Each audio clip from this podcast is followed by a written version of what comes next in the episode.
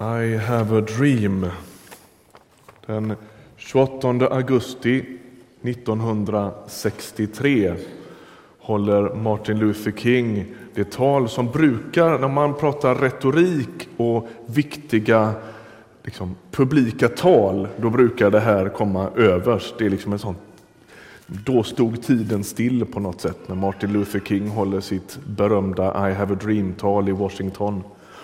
Där han delar visionen och drömmen om ett, ett USA som inte längre är segregerat.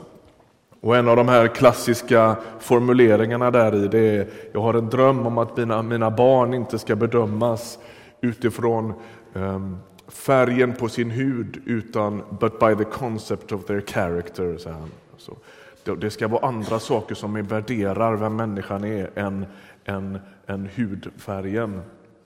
Det sägs att när Martin Luther King håller det här talet så har han egentligen inte tänkt att använda den här bilden av drömmen, utan den där kommer lite spontant när han, när han predikar, eller när han talar. Han, han gör ju nästan så att han predikar. Han är ju baptistpredikant och det är ju liksom Black Church på något sätt när Martin Luther King talar.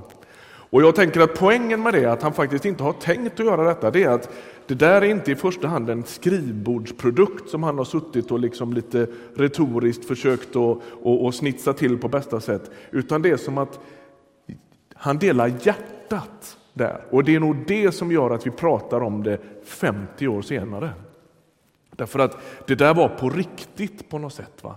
Jag tror det finns en bild till. va? På samlingen på, i, i, vid Lincoln Memorial i Washington. Vi ska prata om drömmen idag. Du som var med förra söndagen vet att Tobias inledde och predikade om, om drömmen för, för Ryttargårdskyrkan. Vi ska fortsätta på det spåret idag måste bara få uppmuntra er, precis som Helene säger, gå ut och titta på de här eh, skärmarna som sitter här ute. Det är gravt uppmuntrande skulle jag säga. att läsa på de där lapparna. Fantastiskt liksom, hur, hur mycket som rör sig i vår gemenskap av liksom, tänk vad vi skulle kunna vara. Och jag ger dig ett löfte här och nu att vi inte ska slarva bort det arbetet som vi har gjort utan vi ska vårda det och, och fortsätta det arbetet i både planering och bön. Titta på dem efteråt, de står kvar här ute på, precis utanför dörrarna. Nu ska vi läsa en text ifrån Matteus kapitel 9 som jag skulle vilja inleda min predikan med. Det står från vers 35 så här. Jesus vandrade omkring i alla städerna och byarna och han undervisade i synagogorna förkunnade budskapet om riket och botade alla slags sjukdomar och krämpor. När han såg människorna fylldes han av medlidande med dem, för de var illa medfarna och hjälplösa, som får utan herde. Och han sa till sina lärjungar, skörden är stor, men arbetarna få. Be därför skördens Herre att han sänder ut arbetare till sin skörd.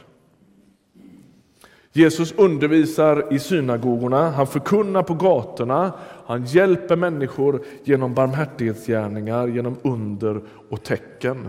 Och under de här liksom väldigt korta, distinkta verserna så får vi en sorts lite sammanfattning på Jesu fokus.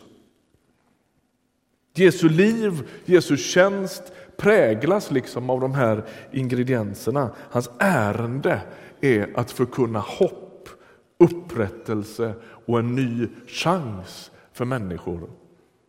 Eller som någon sa, det kallades evangelium därför att det hade en lättande effekt på människor. tycker jag är bra sagt. Alltså, evangelium betyder ju glatt budskap. När Jesus kommer och både förkunnar och gestaltar den här nya verkligheten så, så har det en lättande effekt på människor. Man blir befriad, man blir botad, man blir hjälpt, man blir tröstad, man får hopp, man får sin synd förlåten och så vidare. I Lukas kapitel 4, det fanns ju faktiskt med på videon innan här, citerades det från Lukas 4, som som är en text som andas lite samma, samma sak. Vi ska återkomma till Matteus 9 om en stund. I Lukas 4 så beskriver Jesus varför han har kommit. Han står på tröskeln till offentligheten. Han framträder i synagogan i Nasaret, som är hans egen hemby. Och så läser han en bokrulle från Jesajas 61 kapitel i Gamla testamentet och så lägger han fram en sorts koncentrerad beskrivning av sitt eget ärende på jorden. Det låter så här ifrån vers 16. Han kom till Nasaret där han hade växt upp. På sabbaten gick han till synagogan som han brukade. Han reste sig för att läsa och man gav honom profeten Jesajas bok. När han öppnade den fann han det ställe där det stod skrivet Herrens ande är över mig, ty han har smort mig till att frambära ett glädjebud till de fattiga. Han har sänt mig att förkunna befrielse för de fångna och syn för de blinda, att ge de förtryckta frihet och förkunna ett nådens år från Herren. Han rullade ihop boken, gav den tillbaka till tjänaren och satte sig. Alla i synagogan hade sina blickar riktade mot honom. Då började han tala till dem och sa, idag har detta skriftställe gått i uppfyllelse inför er som hör mig. Smaka på de där uttrycken. Glädjebud, befrielse, syn, frihet, ett nådens år. Detta är Jesu ärende.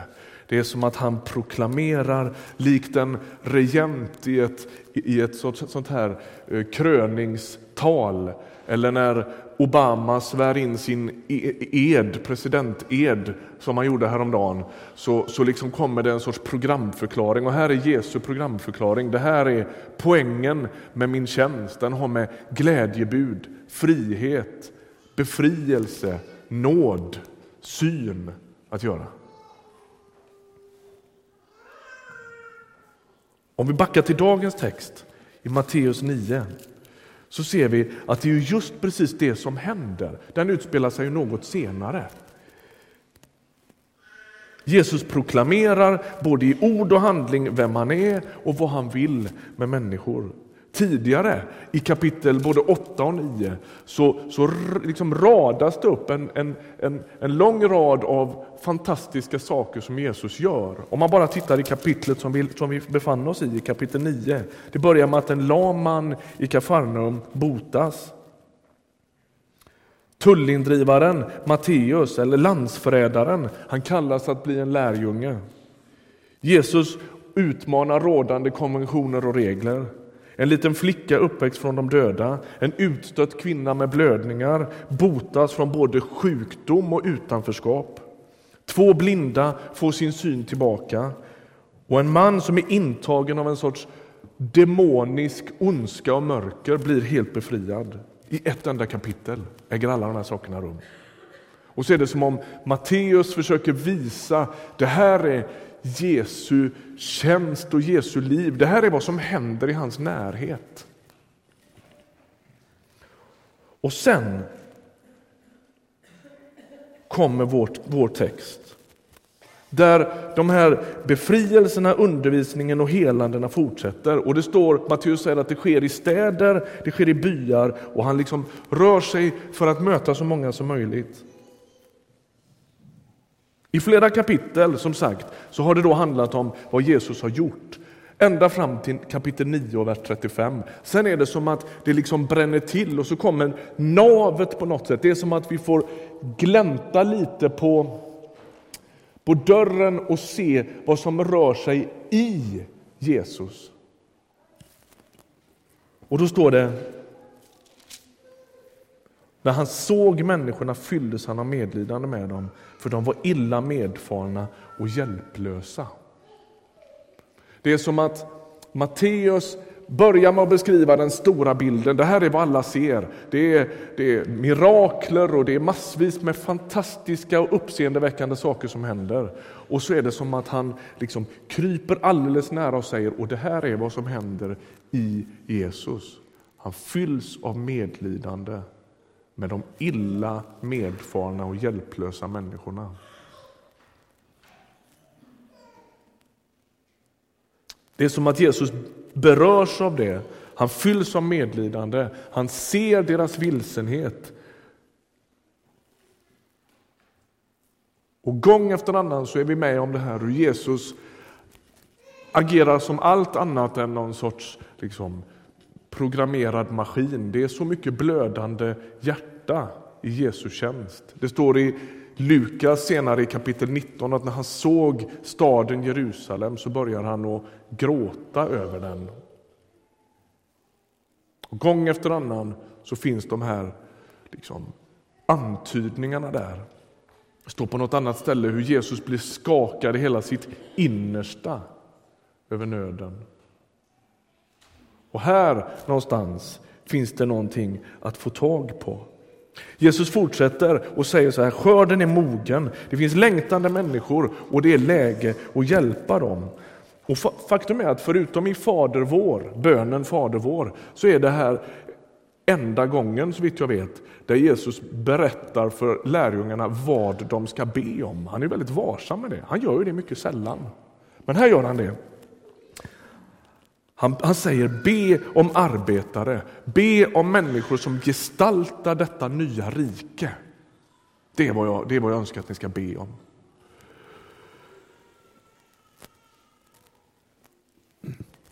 Låt oss ta en liten avstickare. Den kristna församlingen kallas i Bibeln för Kristi kropp.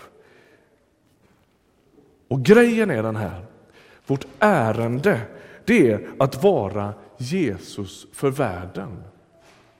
När han beskriver sitt ärende så beskriver han också vårt ärende. Hans ärende är församlingens ärende. Hans hjärta är församlingens hjärta. Hans medlidande är församlingens medlidande. Hans gärningar är församlingens gärningar. När Paulus försöker beskriva den kristna församlingen då använder han en rad olika bilder. Både han och andra, Petrus också. Bilden av templet, husfolket, bruden, familjen. Och alla de där bilderna bär på och avslöjar en del hemligheter om vad Gud har tänkt att församlingen ska vara. Och så tänker jag, om vi skulle stanna en liten stund vid den här bilden, församlingen som Kristi kropp, så är det mycket mer än bara en sorts filosofisk vacker metafor eller en bild. Det är ett sorts försök från bibeltexterna att visa oss vad församlingen kan vara, att den är något mycket mer än en grupp människor som samlas. Det här som händer nu skulle inte kunna bytas ut mot eh, vilken annan förening som helst. Att vi möts här, det är någonting mer än bara, om du förstår, endast en samling människor.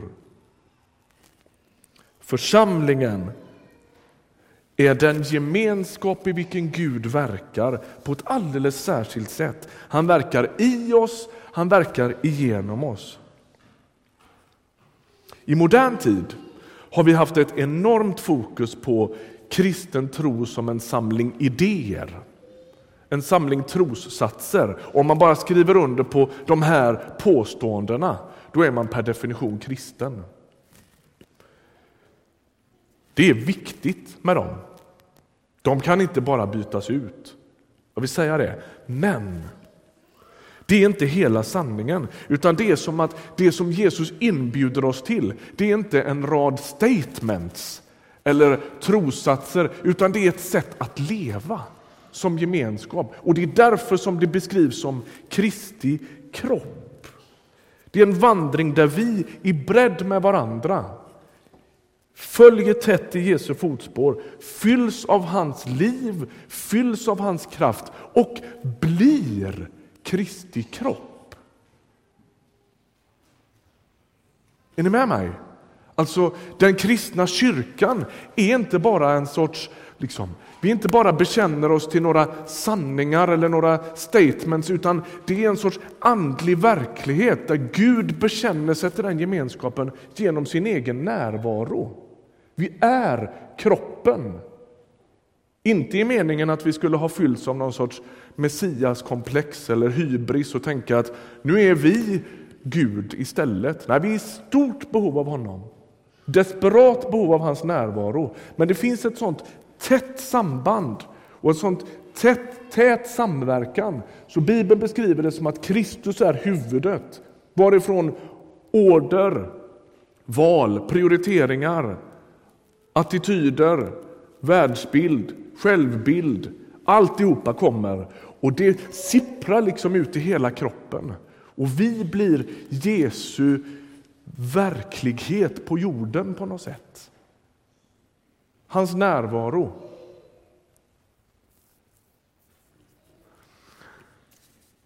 Jag har jobbat på Teen Challenge under många år och när ett team någon gång på 80-talet skulle för första gången skickas till behandlingshem i Göteborg som heter Linneahuset så var det en tjej som var teamledare där. Och så frågade, frågar de henne inför någon ett bönestund där och nu ska vi skicka er till Linneahuset för att ni ska arbeta på gatorna med, med utsatta människor, kantstötta, missbrukare. Vad, vad vill du att vi ska be om? Och då säger hon så här. Min dröm är att få ge Jesus händer och fötter.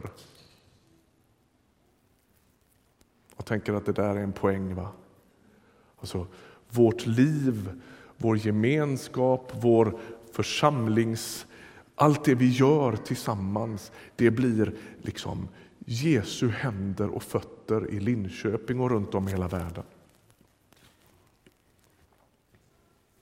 Åter till texten. Jesus vandrar alltså runt i städerna och i byarna och hans ärende är människor. Han lever bland sjuka, tilltufsade, behövande och längtande människor och han möter väldigt konkreta och verkliga behov. Och så följs det här då av att han utmanar och uppmanar lärjungarna att be om arbetare. Det intressanta är vad som händer sen. Kapitel 10, det börjar med att lärjungarna själva blir svaret på den bönen. Kapitel 10 börjar med att Jesus utväljer och avskiljer och skickar iväg de här till städer och byar för att själva be för människor, bota sjuka, predika nådens år från Herren. Och Det är väldigt tydligt att det finns en sorts eh, rörelse i det här på något sätt. Va? Det här är liksom poängen. Gemenskapen av Jesus efterföljare blir Jesus närvarande i varje by och stad dit de kommer. Där de är, där finns kraften, närvaron och kroppen.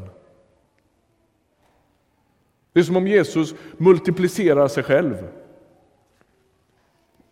Det blir en sån tydlig rörelse i Nya Testamentet. Först är, är, är alltihopa knutet väldigt tydligt till Jesu egen person och där han är, där finns den kraften. Och sen så myndig förklarar han den stapplande församlingen som sitter gömda i, i övre salen och så fyller han dem med sin egen ande och så blir varenda kristen utgör en sorts Kristusnärvaro runt om i världen. Och så finns det inte en, utan hur många som helst som bara sprider sig som en löpeld över hela den då kända världen. Det är, liksom, det, är det som är kroppen.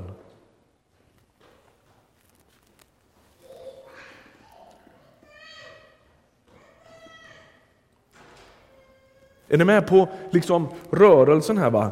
Eh, lärjungarna betraktar vad Jesus gör och så får de en inblick i Jesu hjärta där han liksom hans brutenhet, hans smärta över att människor har det så förfärligt. Och så lockas de in i bön och närkamp med de här frågorna för att själva bli svaret på den bönen. Att se vad Jesus gör, att röras av hans hjärta sätter oss i rörelse. Vad har det här med drömmen i Ryttargårdskyrkan att göra? Jo, när jag drömmer så hakar det liksom fast i den här typen av texter. Drömmen om församlingen handlar om människor som längtar. Det handlar om befrielse. Det handlar om upprättelse, om nya chanser för människor. Och att vara Jesu kropp för världen, det är att ha fokus på de människor som behöver honom. De som sörjer, de som längtar, de som är vilsna, de som är hungriga. Lyssna nu. Kommer du bara ihåg en mening från den här predikan? Det är inte så illa. Det är inte alla predikare man kommer ihåg en mening ifrån, eller hur? Den kommer nu. Vi finns till för dem som ännu inte är här. Det har jag sagt förut här, det kommer jag att säga igen. Vi finns till för dem som ännu inte är här. Det är det märkliga med den kristna kyrkan, att vi är den enda sammanslutning människor som finns till för någon annan än sina egna medlemmar. Du vet när man hör representanter för alla möjliga olika sammanslutningar, arbetsgivarorganisationer eh, eller fackföreningar, så säger de vi måste tillvarata medlemmarnas intressen. Det vore tjänstefel av en pastor att säga så. Det är inte fokus. Det är inte fokus. Jag är ledsen, men det är faktiskt inte det. Vi finns faktiskt till för dem som inte är här. Om jag skulle ge några, nu kommer mitt bidrag då, några, några brottstycken och, och snabba bilder av vad jag skulle vilja se i avslutningen av min predikan. Jag tycker att jag ser i de här texterna en väldigt tydlig, ett tydligt fokus på människor som på ett eller annat sätt är tilltufsade av livet. Det gör man runt hela Jesu tjänst. Det tänker jag att ska vi vara Kristi kropp, då måste vi också ha ett sådant fokus. Om man tittar på lapparna här ute går det igen som en väldigt tydlig röd tråd att Gång efter annan står det på de där lapparna att vi önskar se ett större socialt engagemang, en tydligare diakoni. Vi vill finnas till för dem som behöver det bäst. och så. Låt mig ge några anslag som har med, delvis med det att göra. Sedan i höstas hyr Anonyma Narkomaner en lokal av oss i källaren. Jag ber och hoppas att det skulle kunna utvecklas på olika sätt. Att vi skulle kunna få vara med och betjäna de människorna på ett sätt som luktar Jesus. Vi har en, ett helt gäng medlemmar som är väldigt aktiva i ett nätverk för papperslösa flyktingar här i stan. Jag pratade med Emma Roge som är en av dem som finns väldigt aktivt med i det. Vi pratade vid på morgonen idag. Vad finns det för behov där just nu? Ett väldigt tydligt behov är en familj som är utvisningshotad de har blivit av med alla möjligheter att försörja sig själva och de behöver en lägenhetshyra.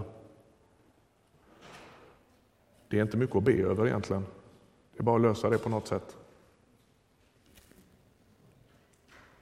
Man skulle kunna lösa det genom att några entusiaster på sidan bestämmer sig för att det där löser vi. Jag skulle tycka det var mycket mer spännande om vi som gemenskap bestämmer oss för det där tar vi ansvar för.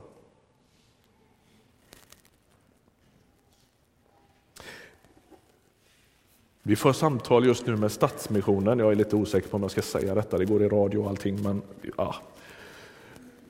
Det är lättare att be om förlåtelse än tillåtelse, var det någon som sa. Vi för samtal med Stadsmissionen just nu. Det är väldigt löst. Nu säger jag det va, så att vi vet att det inte är säkert att det här händer.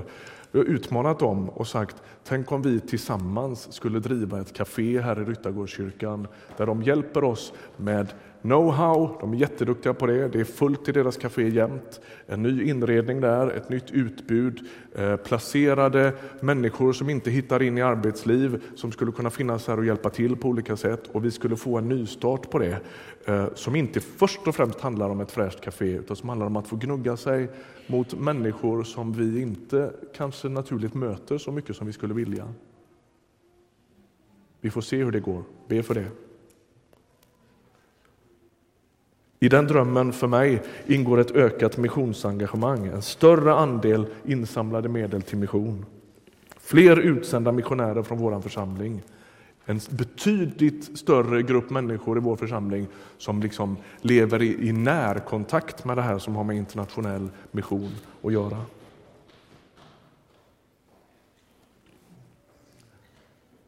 Om vi pratar hjälp till människor så tänker jag att det där får inte bli för stereotyp. Det kan gå till på massvis med olika sätt. Du har kanske läst eller hört historien som Bill Hybels brukar berätta ifrån församlingen Willow Creek i Chicago. Där han står en söndag och predikar och efteråt så kommer det ner en kille med ett jättelångt skägg så här och ser ut som en sån här riktig bikerkille. Så. Och så säger han, hej pastorn, det är så att jag och mina kompisar vi har just kommit till tro och börjat gå till den här kyrkan. Det är inte mycket vi kan bidra med som har med estraden att göra. Vi kan varken sjunga eller tala eller någonting. Men vi kan skruva med bilar. Nu har vi kollat på parkeringen här ute och sett att det är rätt många här som har väldigt, väldigt skruttiga bilar. Skulle inte vi kunna, om du fixar ett garage och en verkstad åt oss, så lovar vi att vi ska skruva med människors trasiga bilar och hjälpa dem med det. Och så blev det startpunkten på ett eh, Car Ministry som har i kyrkan där, där de skapade en, en eh, verkstad och där de här grabbarna stod där och, och, och, skruvade och de kom på att den bästa tiden att vara där det var när man hade gruppen för ensamstående mödrar i kyrkan. De kom i bilar där det hängde allt möjligt under. Och, och så vred de ner de där bilarna i garaget och så gick de på sin bönegrupp för ensamstående mödrar och så stod grabbarna där nere och fixade ordning på den där bilen och så var den färdig när bönemötet var slut. Så småningom kommer den här killen med stora skägget och säger till pastor Heibels, du eh, vi har ett problem. Det går snart inte att skruva i de där bilarna längre. Det finns inget att liksom fästa i, de är rätt trötta. Och då har jag, kommit, då har jag sett en sak när jag gått på parkeringen, sa han. Det är väldigt många väldigt fina bilar i den här kyrkan. Då blir pastorn lite orolig. Okej, okay, vart tar det här vägen? Ja, jag tänker så här, sa han, det verkar som att en del byter bil tämligen ofta.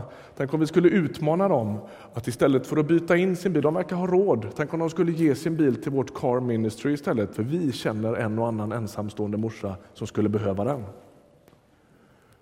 Och han skruvade på sig lite, Heibels berättade han, han tyckte det kan man verkligen be folk om det, det är väldigt liksom frimodigt så. Men det slutade med att de gjorde det.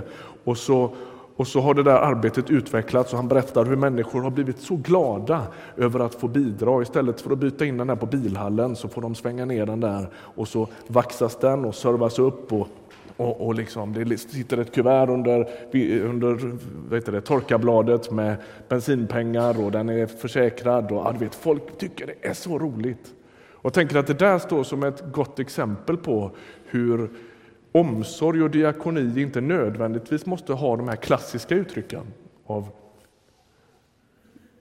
ja ni vet, soppkök och det här. Va? Jag tänker att det behövs också, men det kanske inte är för alla. Och min fråga blir då, vilket är ditt liksom, bilskruvarområde? Vad är det du skulle bidra med till människor som behöver det bäst? Min, i, I min dröm så har vi en rad sådana fräscha initiativ om några år och de kanske inte kommer ifrån varken mig eller församlingsledning, utan det föds i ditt hjärta.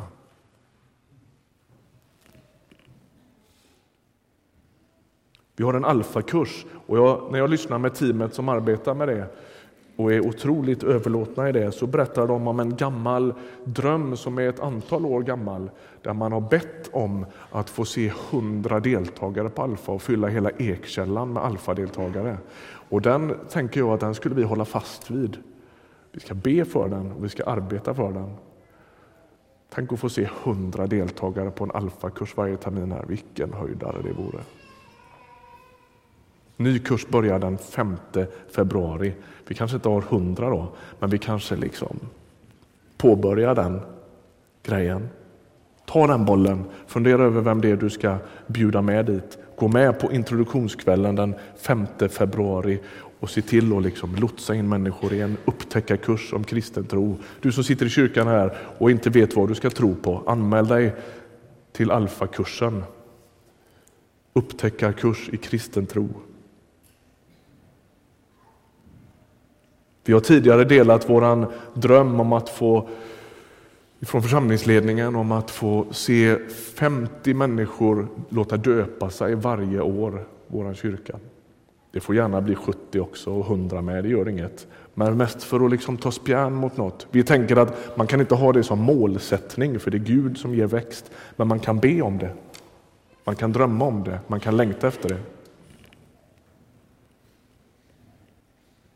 Jag pratade med Johannes Stenberg som är församlingsplanterare i Skäggetorp. Så eh, satt vi häromdagen och sa, okej, okay, vad är nästa steg nu? Och Johannes säger, nu måste snart Skäggetorpsgemenskapen vara moderförsamling för en ny plantering. Och I min dröm så finns det en rad nya församlingsplanteringar, kanske inte bara i Linköping utan kanske också på någon annan plats som har fötts i vår församling och där vi får sända några av våra mest drivna, mest liksom, längtande människor in i en sån satsning. Vi kunde hålla på länge. Kort skulle jag vilja runda om och säga så här. Jag tror att vi behöver ständigt påminna oss om att vi finns till för dem som ännu inte är här.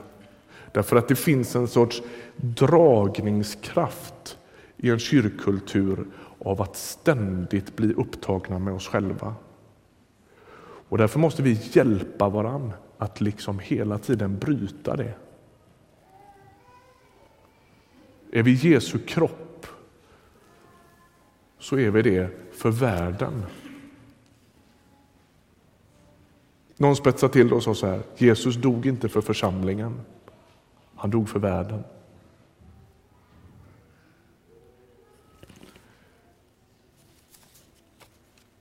Vi har trummat det här nu hur många gånger som helst de sista veckorna. Vi vill vara en öppen och generös gemenskap där allt fler möter, följer och formas av Jesus. Hoppas du vill vara med och ge dig åt den drömmen. Ska vi be en bön?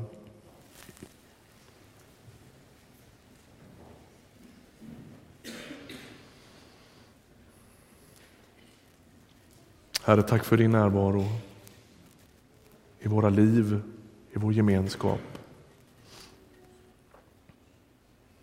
Tack för att du inte lämnar oss med en eh, strategi och ett program och så får vi lösa det efter bästa huvud. Utan tack att du finns mitt i vår gemenskap. Tack att du rör dig där, tack att du verkar där. Tack att vi får koppla på det som du redan gör. Tack att vi får gå tätt i dina fotspår och göra och leva och tala och möta människor på det sätt som du gör. Vi ber att få vara Jesu händer och fötter för våran stad och för våran värld, för våran generation. Herre, smitta oss med en sorts helig fantasi hur vi kan möta människor